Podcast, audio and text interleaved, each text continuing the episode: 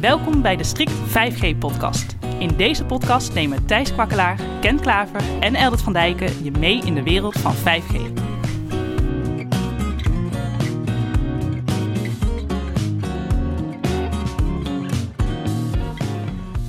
Dit is de Strict 5G podcast. Ik ben Thijs. Ik ben Eldert. En ik ben Ken. Begin van het jaar hadden we het al over de plannen rondom 3,5 gigahertz. En dat dit de frequentie is voor Nederland waarmee 5G echt los kan. En door allerlei juridisch gesteggel lopen we hier in Nederland echt achter in de ontwikkeling in de vergelijking met van de rest van Europa. Ja, ik zit je een beetje schil aan te kijken. Ja. Thijs. Het begin van dit jaar, hè, voor de mensen die dit podcast in 2024 horen. Begin van 2023 is waar Zeker. jij op doelt, hè? Zeker. Ja, en dan even voor wie het nieuws niet op de voet volgt. Wat is in december 2023 dan de laatste stand van zaken rondom 3,5 gigahertz? December 2023. dus ik moet even nadenken. Het hele dossier heeft een ontzettend lange historie. Dat heb je ook in vorige versies van de podcast al kunnen terugluisteren. Maar wat er uiteindelijk is eh, gebeurd is dat eh, een aantal partijen... die belang hadden bij, hadden bij de 3,5 gigahertz band... die hebben eh, beroep aangetekend bij de rechtbank. En er zijn allerlei zittingen al geweest ter voorbereiding daarvan. Maar uiteindelijk wilden de mobiele operators natuurlijk eh, zoveel mogelijk spectrum hebben. Ze willen eigenlijk eh, eh, nou, de 300 megahertz of 400 megahertz volledig hebben die, die daar beschikbaar is. Klopt. Formeel zagen de mobiele operators totaal geen heil in private netwerken. Nee, want de andere kant van het verhaal is dat er dus ruimte is gecreëerd voor private netwerken. Dat is nu geworden 2 keer 50 megahertz. 50 megahertz aan de onderkant van de band, 50 megahertz aan de bovenkant van die 3,5 gigahertz band. Ja. Dus 400 megahertz, er zijn drie operators en er zijn de partijen die privaat wil. Nou, dus zou je heel goed kunnen zeggen, dat hebben we al eerder beschreven, hè, drie keer 100 is 100 megahertz is ongeveer het maximum wat je kan met 5G. Ja. Dus is ook een logische keuze. Drie operators en dan 100 voor de private partijen. Precies. En dan als je 100 megahertz aansluitend zou hebben, zou je heel breedbandig eh, netwerk kunnen bouwen als eh, private partij. En of je daar dan bijvoorbeeld maar 60 of 80 van gebruikt, dan kan je misschien meerdere netjes faciliteren. Maar uiteindelijk is door de minister gekozen voor eh, 2 keer 50. Dus 50 aan de onderkant van de band, 50 aan de bovenkant van de band. En dat is ook een hele discussie geweest. Hè? Daar hebben we in eerdere podcasts ook al wat aandacht aan gegeven. Maar volgens mij wat nu duidelijk is geworden... die onderste 50 is minder eh, fijn... omdat daar net onder die band militaire radar zit... eh, waar je voor eh, de verstoring niet... eh, of hele strenge eisen hebt gekregen. Waardoor praktisch gezien op het moment dat je een privaat netwerk wil bouwen... eigenlijk van die onderste 50 maar 30 kan gebruiken. En wat is dan de impact als je dat in, in snelheden vertaalt? Nou, dat zorgt zeg maar eigenlijk dat je maar 60% van je datasnelheid in dat stuk Oh. Dus dat heeft best wel impact. Je zou heel scherp moeten filteren op je, op je radiosystemen. Dan zou je misschien nog wel iets breder kunnen dan die 30 megahertz. Maar dat maakt de apparatuur ook wel heel duur en ook heel groot. Want die filters zijn natuurlijk best wel omvangrijk. Ja. Uh, dus eigenlijk netto blijft er aan de onderkant van die band maar heel weinig over. Dus de interesse uh, om daar te gaan zitten met die private netwerken is gewoon veel minder. Omdat je daar veel minder kunt. Maar er is een grote lobby geweest van de mobiele operators. Die wilden liever niet dat onderste stuk hebben. En daarnaast, en dat is ook een beetje wat we in, in de verschillende plekken wat gehoord hebben. Er is ook een leverancier uh, die niet die spullen kan bieden tot aan onderin. Uh, en een mobiele operator heeft voor die spullen gekozen. En die zegt, ja, ik wil eigenlijk niet dat die veiling zo is... dat we ook uh, onderin de band iets moeten kiezen, want daar kunnen wij niet. En dan als mijn uh, conculega's daarachter zouden komen... zou die veiling niet heel fijn gaan voor ons. Ja. Dus er zit zeg maar ook ergens nog een heel wat rare belangen voor mobiele operators in... waardoor ze ook echt heel duidelijk hebben gezegd... nee, dat kan niet onderin. En dat is meer om de keuze die zij al eerder hebben gemaakt... in de keuze voor hun apparatuur. Dus het, uh, zeg maar, uh, de overheid heeft gevonden dat het belang van de mobiele operators... die natuurlijk straks het geld voor de veiling moeten opbrengen... dat dat belangrijker is gezien dan de belangen van de private markt... waar je natuurlijk minder belasting of in ieder geval veilinginkomsten van hebt. Dus dat is, wel zeg maar een, bijzondere afweging die daar uh, wel bij is gebeurd. Ja, ja, en daarnaast is het zo dat uh, uh, nou ja, van de private partijen die dus beroep hebben aangetekend tegen die voorgenomen wijziging van het NFP. NFP is het Nationaal Frequentieplan. Dat is eigenlijk een bestemmingsplan voor de frequentieruimte in Nederland. Uh, die partijen hebben daar een bezwaar tegen aangetekend. Omdat zij ook vinden, naast het feit dat ze liever 100 megahertz bovenin die band hadden gewild, wat het nu 2 keer 50 is geworden. Uh, vonden ook dat zij eigenlijk een soort coördinerende rol moesten hebben over wat er in hun grondgebied gebeurt. Een van die partijen is Schiphol en de andere is bijvoorbeeld havenbedrijf Rotterdam.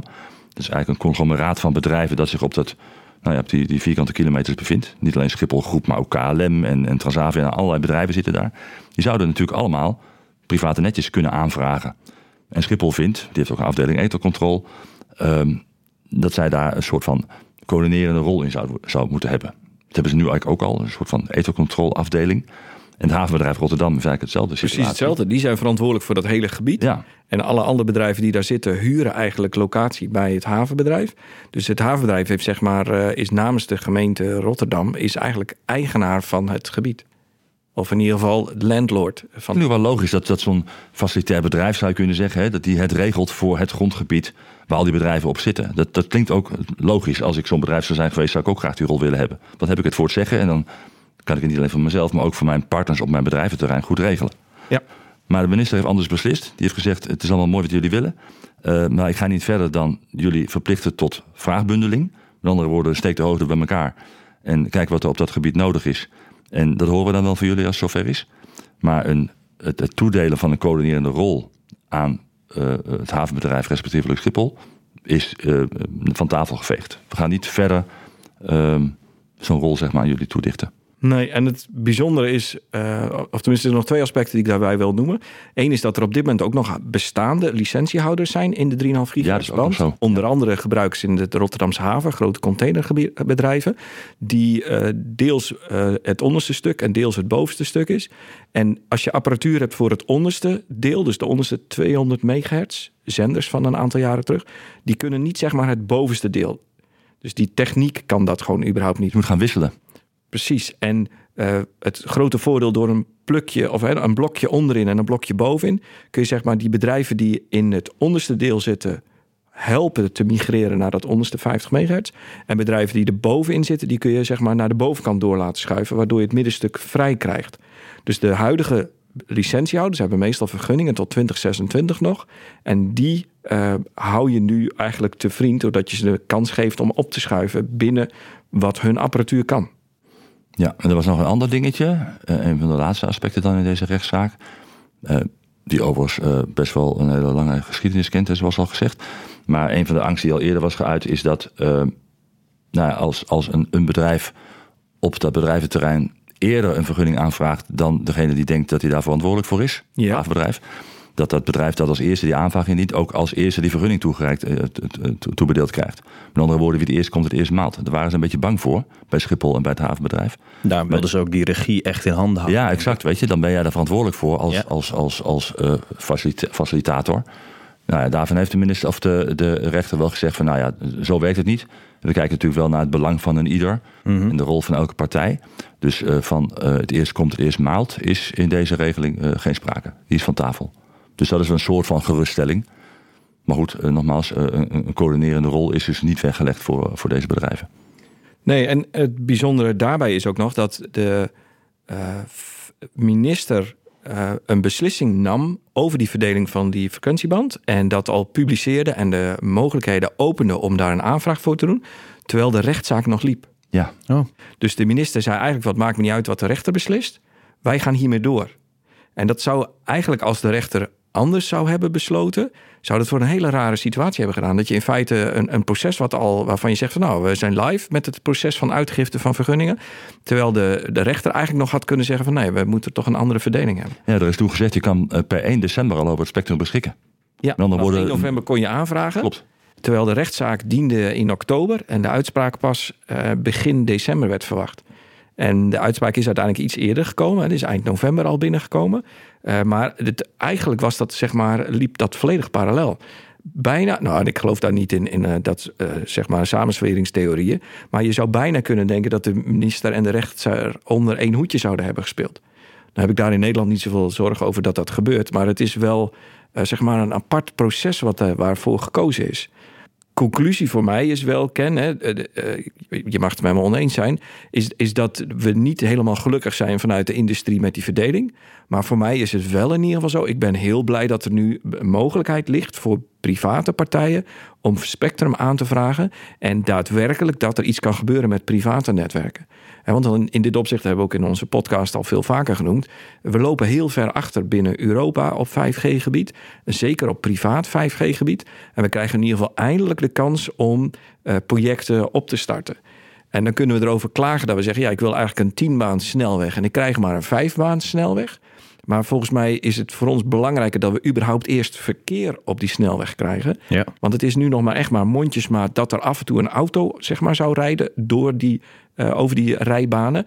En voordat we zeg maar congestie hebben in dat stuk 50 megahertz, dan zijn we nog heel wat jaren eh, van hier. En ik denk dat er nog andere mogelijkheden komt. En daar heeft de minister ook op toegespeeld. In de band net boven de 3,5 gigahertz band. Namelijk van 3,8 tot 4,2. En de volgende stap is om daar ook private netwerken mogelijk te maken. Dus we kunnen zeg maar heel erg klagen over het feit dat het niet genoeg is nu. En ik denk dat dat ook waar is. Maar we hebben gelukkig perspectief op nog meer frequentieruimte in de toekomst. Maar als we dan uh, wat meer inzoomen op, uh, op dat stuk uh, private 5G, is daar dan met, met ook alle onduidelijkheid die, er, die eromheen is, nog steeds markt voor? Of zijn partijen nu eigenlijk op zoek gegaan naar wat anders en gaat het eigenlijk ook niet loskomen? Oh, dat vind ik wel een hele negatieve instelling. Ik hoor, ik was onlangs nog op een beurs en ik hoor juist dat verschillende buitenlandse leveranciers enorm druk bezig zijn met projecten in Duitsland, in Frankrijk, in Engeland. Uh, dus er zijn de wereld aan private netwerken, private 5G-projecten uh, in het buitenland. En in Nederland is dat juist heel erg uh, on hold geweest, omdat zolang je niet zekerheid hebt over dat je ruimte krijgt in de ether om uit te zenden, kun je natuurlijk geen radioapparatuur daarvoor aanschaffen. Tenminste, dat kun je, maar dat is een hele raar besluit. We hebben dat bij Strict overigens wel gedaan voor onze demoruimte. Zo van we gaan in die 3,5 gigahertz band uitzenden. maar het, het is wel uh, zeg maar een, een, aparte manier van doen. En een normaal bedrijf kan dat natuurlijk nooit de investeringen voor goedgekeurd krijgen. Nee. En dat is nu juist wel mogelijk. Er hebben verschillende projecten on hold gestaan, gewoon omdat er niet echt zicht was op wanneer komt die frequentie nou beschikbaar. En eigenlijk is het ook wel heel bijzonder, want de veiling gaat waarschijnlijk pas voor de mobiele operators ergens in het voorjaar van 2024 plaatsvinden. Terwijl nu vanaf 1 december 2023 private netwerken al live mogen gaan. En mobiele operators zijn al bezig met de uitrol van 3,5 gigahertz spul. Omdat ze eigenlijk al verwachten binnenkort dat die uh, veiling er komt en die licentie wordt uitgegeven. Maar volgens mij gaat die apparatuur toch nou, drie kwart jaar, hè, want ze hebben dit van de zomer al geïnstalleerd, Mhm. tot hopelijk net voor de zomer volgend jaar. Dan hangt het al bijna een jaar in de mast zonder Ja, dat het dat is. aan heeft gestaan. Zo, dus dat is al eh, heel bijzonder. Maar eh, private netwerken hebben dus nu eigenlijk een voorsprong op mobiele operators in de toepassing van die 3,5 gigahertz. Mobiele operators mogen nog niks, behalve wat experimenten. En private netwerken kunnen eigenlijk vanaf eh, dit eh, moment eh, live gaan. Loopt het al storm met de aanvragen, denken we? Dat hebben we denk ik binnen een paar dagen nu, hè, want we praten nu begin december. Het is nog maar net open. Ik heb daar niet een goed beeld van. En volgens mij publiceert de RDI dat ook niet wekelijks. In Duitsland heeft het Bundesamtdaad uh, publiceert dat één keer in de paar maanden. En die hebben dat de afgelopen jaren een paar keer gedaan. En toen zag je enorme sprongen van 50 naar 100, naar 120, naar 180, naar meer dan 200. Uh, hebben ze binnen een paar jaar gehaald. Ik denk dat het in Nederland nog niet zo hard gaat. Maar er zijn meer dan 500 private uh, netwerken al in Nederland in de operatie in de afgelopen paar uh, jaar. Ja, op, op, verschillende frequentiebanden dan. Hè? Maar vooral op de 1800 ja. megahertz band. Ja. En, en 3,5 was volgens mij op de 3,5 gigahertz. Meen ik iets Ja, van oh ja. 150 of zo licenties uitgegeven. Ja, aan de 150 partijen en meer Ja. dan 200 licenties. Ja, precies. precies. Maar dat, die lijst stond vroeger online. Ja. Maar die is niet meer uh, in te zien. Maar verwachten jullie dat deze groei uh, uh, exponentieel zal gaan? Dus dat we eerst beginnen met één, twee partijen die, die er vroeg instappen en dat dat telkens een, een verdubbelslag zal hebben? Dat vind ik een hele interessante vraag. Maar volgens mij hangt het samen met uh, dat er nog wel wat uitdagingen zitten aan uh, zeg maar het, het, realiseren van een privaat netwerk. En uh, ik weet dat Ken ermee bezig is. Ik weet Thijs dat jij er ook mee bezig bent met de, de uitrol van een groot project in een private omgeving. En zo'n private netwerk bouwen. Uh, waar je mee te maken krijgt. is niet alleen van kan ik die zenders ophangen en dat netwerk realiseren. Maar uh, dan hadden we het zo net voor de, in de voorbespreking al over. Je hebt het ook bijvoorbeeld te maken met LAN-aansluitingen. Heb ik daar wel of niet QoS op gelanceerd? Uh, heb ik ook een redundantie in mijn IT-omgeving en mijn datacenters? wat voor toestellen ga ik toepassen? Heb ik laadrekken voor die toestellen? heb ik ervoor gezorgd dat die toestellen goed dichtgetimmerd zijn vanuit beheer? Dus heb ik mobile device management? heb ik toestellen waar de gebruikers mee om kunnen gaan? Zijn ze tevreden? En als die dingen uit hun handen vallen, eh, zijn ze dan kapot. Dus er zit zeg maar heel veel. En dan heb ik het dan nog niet eens over de app en de diensten die je erover gaat Nee, ik draaien. wil zeggen, wat, ja. Du- Dus je hebt zeg maar al, al tien verschillende aspecten waar je in je project rekening mee moet houden. Waar je en met architectuur, en met security, en met de inrichting, en met de eindgebruikers, nog wel heel belangrijk, en met de applicatiebouwers. Eh, dus je hebt met heel veel verschillende partijen, en ik heb ze nog niet eens allemaal genoemd, eh, schakel je in zo'n project volgens mij, voordat je een succesvol private project hebt gedaan. En, eh, Nou, er gaat nog iets heel belangrijks aan vooraf. oh kijk, Wat denk je van funding? ja, Want een netwerk kost natuurlijk niet een paar tientjes. eens. En je moet aan de business kunnen aantonen, of aan de directie, dat het ook eh, wat gaat opleveren natuurlijk. Dus de hele business case eromheen, eh, dat is ook nog wel een ding. Correct. Ja. Want het moet ergens aan bijdragen. Ik neem aan, eh, wil je bedrijfsdoelstellingen halen of verbeteren? Je moet daar misschien wel eh, je processen verbeteren. Sneller, beter, meer winst, meer omzet in ieder geval. Ja. Ehm, dus ja, weet je, een business case bouwen, dat is ook nog wel een ding. En eh, kijk, want de kost gaat voor de baat uit. Dus je moet altijd zo'n netwerk bouwen. En pas na een paar jaar zie je of het vruchten afwerpt. ja. Maar zo'n berekening en dat allemaal aantoonbaar maken, dat is dan wel een ding.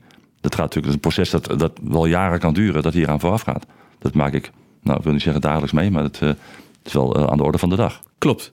Ja, nee, je hebt helemaal gelijk. Dus dat moet je eerst nog eh, mee hebben. Verlos van de techniek bedoel ik eigenlijk. Ja, ja, ja. Een heleboel dingen, technische dingen die je moet regelen. Ja. Maar funding, met name, hoe krijg je het geld los om dit te doen? En hoe maak je aantoonbaar dat het over x aantal jaren rendeert? Ja. Dat is een belangrijk aspect, denk ik.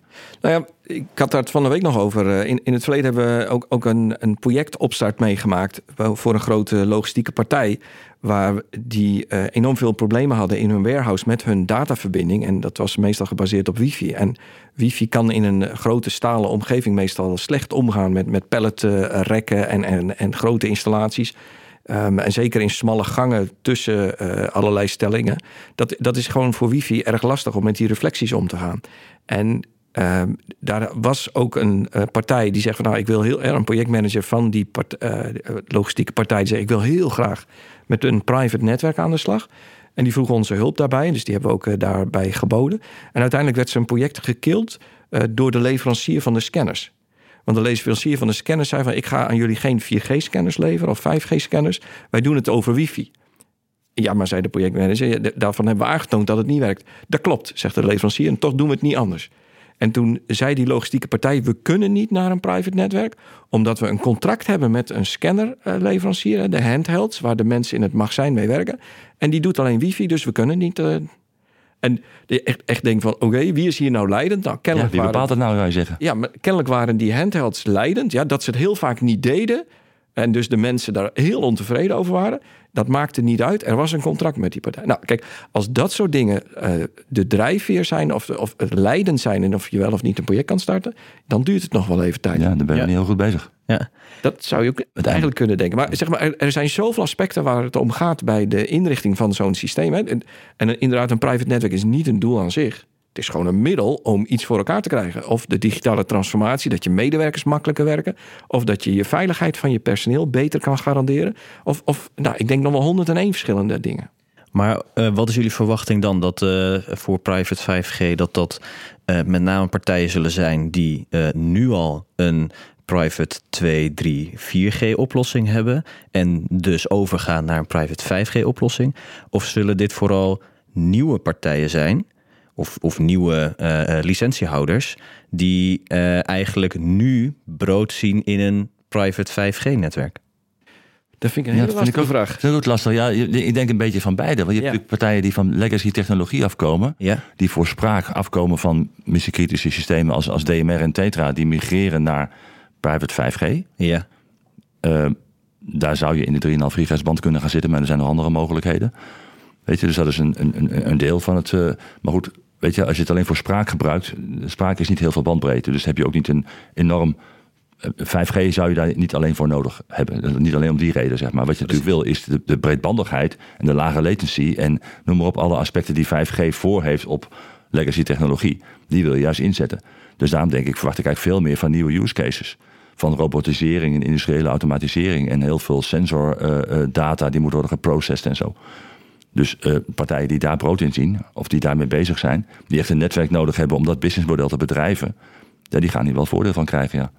Ja, want jij noemde ook een voorbeeld uh, in, in, onze voorbereiding, Ken, uh, van een fabriek die met, met robots werkt, die juist per se naar 5G wilde. Waarom ja. dan? Nou, dat is een, een, een, een autofabriek. Je hebt natuurlijk van die gigafactories, zoals Tesla, maar ook andere autofabrikanten, vooral in China, lopen daar echt in voorop.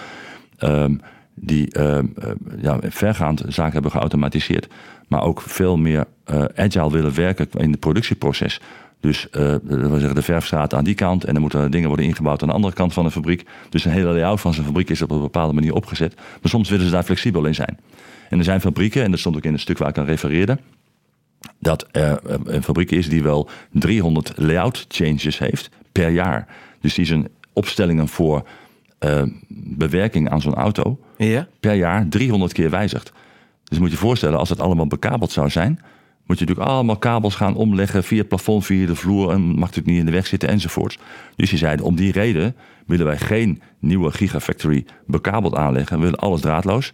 En omdat het gaat om lage latency en omdat het gaat om super betrouwbaarheid enzovoorts, willen wij dat met private 5G doen. Ja, precies. Dus gewoon zeg maar een technische noodzaak, omdat Ja. ze niet continu eh, kabels willen omleggen. Exact, ja. Ja. ja. En vroeger noemden we altijd het gedoodverfde voorbeeld van de, de operatiekamer, opereren op afstand, weet je wel. Dat werd altijd ja. als de use case voor 5G, eh, Ja. een van de. Eh, want dan heb je in de operatiekamer geen, eh, geen, geen kabels. Weet je, nou, dat is er nooit op die manier van gekomen. Maar wat je wel ziet in dit soort omgevingen, in fabrieken, dat bekabeling, vooral nou ja, fysieke bekabeling naar grote machines en zo. Ja, als je daar de vloer voor moet openbreken, dat, dat, eh, een paar keer per jaar, of wat zeg ik, 300 keer per jaar, daar word je natuurlijk niet vrolijk van. Ja. En daarom wil je dat natuurlijk, als je, als je die, die, die agile manier van werken in je productieproces wil eh, bevorderen, dan moet je dat wel draadloos doen. Ja.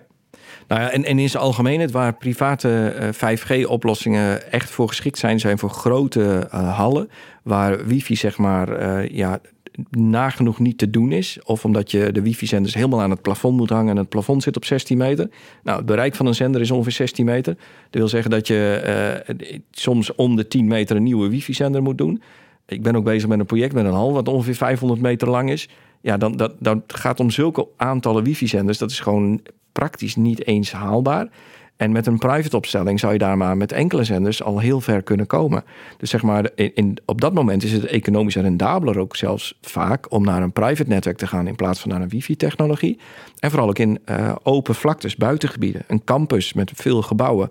eh, dan, en je moet ook buitendekking hebben. Dat is typisch wifi veel minder voor geschikt. En het geeft je dan mogelijkheden om dingen te doen eh, die anders niet zo makkelijk zijn. En inderdaad, wat Ken heel terecht zei, als het puur om spraak gaat, ja, dan hoef je niet zoveel met 5G eh, per se te doen. Want 5G is vooral voor breedband geschikt.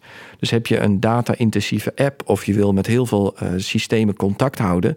Dat is typisch iets waar 5G echt een oplossing voor kan zijn. Wat wij zien is bijvoorbeeld eh, eh, fixed wireless access. Hè? Dus laten we zeggen de, de last mile vanaf het vaste punt naar een bedrijf of naar een werkplek of weet ik het. Hè? Dus, oh, maar ook rapid deploy camera's voor bewakingsdoeleinden. Ja. Je ziet allemaal die camera's willen staan bij bouwlocaties en zo met van die groene lampen erop. Ja. Nooit begrepen waarom die dingen groen zijn eigenlijk. Maar goed, eh, zijspoor. Ehm, die camera's moeten natuurlijk ergens worden aangesloten. En nu zit er vaak een simkaartje in die dan gewoon via het publieke net eh, eh, Ja. dat verstuurt.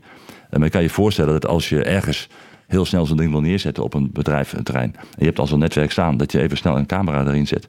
Simkaartje erin en, en draaien met het ding. Ja, en die bouwwatches die staan heel vaak op verlaten bouwplekken. Maar stel dat je een groot project hebt waar je een groot gebouw aan het bouwen bent en je wilt op tien plekken camera's plaatsen, dan is dat en je wilt die soms verplaatsen, want tijdens het bouwen gebeurt van alles. Dan is een private netwerk voor zo'n bouwterrein eh, inderdaad ideaal. En je noemt ook het heel interessant inderdaad, wat, wat is 5G echt voor geschikt? Dat zijn voor videoverbindingen. En op het moment dat je alles met eh, wat eenvoudige data kan doen, dan vraag ik me af of je breedband nodig bent. Maar het geeft je juist die flexibiliteit, eh, 5G, om van alles wat je wil eh, daarover te gaan versturen. Er zit wel ergens een grens in. En dat is het lastige wat we met eh, het eh, 50 megahertz wel merken. En je kunt er echt wel een paar honderd megabit in de downlink halen. Maar omdat die private band naast de band van de mobiele operators zit, moet je in dezelfde verhoudingen up-down werken als de publieke netwerken. En de publieke mobiele netwerken zijn er al vooral voor gericht om eindgebruikers veel data te laten ontvangen. En het privaatnetwerk moet daar dus ook op diezelfde manier ingericht worden. Terwijl je juist als je camera's ergens in je netwerk plaatst, die moeten over het algemeen iets omhoog zenden, uplink, hè, dus iets sturen naar het datacenter of naar de bewaking. En op het moment dat je dat aan het doen bent in zo'n private 5G-netwerk, dan kom je wel sneller aan de limiet. Want de datasnelheden, eh, jij sprak onlangs ook een expert eh, op dat gebied, Ken? Ja, ja dat, ik, ik had even nagekeken, want ik heb die getallen niet zo in mijn hoofd. Ik ben ook al wat ouder, hè, dat vergeet ik allemaal gauw. Um, ja, afhankelijk van een heleboel factoren. Maar wat je al zei, de, de downlink haal je in, met, met 50 mega's toch al gauw uh, uh, nou, enkele honderden, misschien wel 500, 600 megabit per seconde. Oké, in die 50 mega. In die 50 mega's bandbreedte. En als het maar 30 is, als je aan de onderkant van die band zit, ja, dan is het natuurlijk een stuk minder. Dan, dan zit het misschien op, en, op 300, 400 megabit per seconde downlink. En dit kun je op elke antenne. Hè? Dus het is niet dat dat je maximale capaciteit is. Als je 10 zenders plaatst, heb je 10 keer die 500 megabit zo ongeveer te verdelen. Ja, eh, precies. Je moet even kijken naar de geografische verdeling natuurlijk. Maar ja, er zitten wat limieten. En misschien is dat wat ik beschrijf is volledig optimistisch. Uh, er zijn nog wat mechanismen zoals als MIMO hè, en meerdere antennes op dezelfde uh, plek ja. enzovoort. Nou, dat wordt allemaal wat technisch nu misschien. Uh, voor de uplink, en dat is precies wat jij zegt, omdat je moet synchroniseren met de, met de macronetwerken van de mobiele operators ik zeg macro, ik bedoel de netwerken van de mobiele operators, uh, heb je die up-downlink verhouding van 1 op 3. Dat betekent dat je uplink uh, een factor 3 lager is dan je downlink. Dus dan haal je maar 50, 70 megabit per seconde. Ja, en, en behalve dat, dat die factor 1 op 3 is, is je uplink datasnelheid überhaupt down, uh, lager dan je downlink snelheden omdat je over het algemeen met andere antenneconfiguraties en, en zenden uh, werkt. Dus qua codering zit daar ook nog wel wat verschil tussen. Dus het is niet, zeg maar, als je 500 megabit down hebt, je deelt het door drie dat je dan up hebt. Nee, modulatie nog een stukje lager enzovoort. Ja. Dat, dat, klopt, dat klopt. Maar goed, laten we zeggen, daar zit je dus op de, nou, misschien uh, 30, 40, 50 megabit per seconde. Uplink. Ja. Um, ja, een goede... is, niet, is eigenlijk niet heel superveel. Nee. Nee, terwijl TDD in feite wel een technologie is waar uh, die volledig synchroon is. Dus je zou up en down, die verhouding kun je op hele veel verschillende manieren instellen volgens de standaard. Alleen op het moment dat je dan naar een fabrikant toe gaat, die zegt, joh, ik wil meer uplink dan downlink, dan zeggen ze, dat is een goed idee, dat staat in de standaard, maar dat ondersteunen wij niet. Wat er gebeurt met die 5G-standaard is dat daar de ruimte wel voor is in de standaard, maar dat fabrikanten dat nog lang niet altijd ondersteunen. En dat is vooral omdat publieke netwerken daar en grote operators daar helemaal niet om vragen. En die vraag vanuit de private markt eigenlijk nu meer loskomt. Breedbandig toepassen van 5G ligt dus voor private netwerken om de hoek. En wij kijken uit naar de eerste mooie use cases hier in Nederland die deze innovatie kunnen gaan toepassen. Ja, nou, we hopen daar zelf binnenkort uh, ook wat meer over te kunnen vertellen. Zeker. Thijs, jij zit in een project, Ken, jij zit in een project. Dus er gebeurt van alles in Nederland. Precies. En uh, wij kijken daar ontzettend naar uit. Maar tot die tijd, de eerste keer dat. En dat wou ik misschien wel even aanhaken voor deze eerste keer dat aan het voorbeeld wat Ken net noemde met die fabriek die uh, de robots flexibel wilde plaatsen en het productieproces en met 300 changes per jaar geen zin meer hadden om dat met bekabeling allemaal te doen. Maar dat bracht me even terug naar uh, waar wifi ooit voor is ontwikkeld. En wifi is ooit ontwikkeld voor kassasystemen in grote warenhuizen. Waarbij ze over het algemeen vroeger hè, die warenhuizen mooie marmeren vloeren hadden. En op het moment dat je die kassa's op een andere plek neer wilde zetten, moest er een verbinding van het kassa. Uh, systeem naar de centrale computer. En dat was altijd bekabeld. En dan moesten ze elke keer die marmeren vloer openbikken. Nou, en dat waren de eigenaren van die warenhuizen op zo gallisch van. dat ze heel duidelijk tegen die leverancier van die kassasystemen zei: het moet draadloos. En toen is uh, vanuit de NEC, een van de grote leverancier van die kassasystemen, hier net aan de andere kant van de rivier waar, van waar we het opnemen, hier in Vianen, namelijk in Nieuwegein, is uh, wifi ontwikkeld. Dus de wifi-standaard is in eerste instantie door NEC ontwikkeld hier in Nederland vanwege de vraag van kunnen we niet een draadloze koppeling hebben, een datakoppeling tussen het kassasysteem en de centrale computer om alle uh, transacties uh, bij te houden. En zo is wifi in eerste instantie ontwikkeld om te voorkomen dat we marmeren vloeren steeds moet openbikken in een uh, chic warenhuis. En de, de, dezelfde flexibiliteit hebben we nu natuurlijk nog steeds overal. Het feit dat we graag draad willen vervangen door iets draadloos of zelfs helemaal mobiel willen maken. Dankjewel. Dit was de Strict 5G podcast met Eldert, Ken en Thijs. Abonneer je op de podcast zodat je direct weet wanneer er weer een nieuwe aflevering is. En laat ons ook vooral weten wat je ervan vond.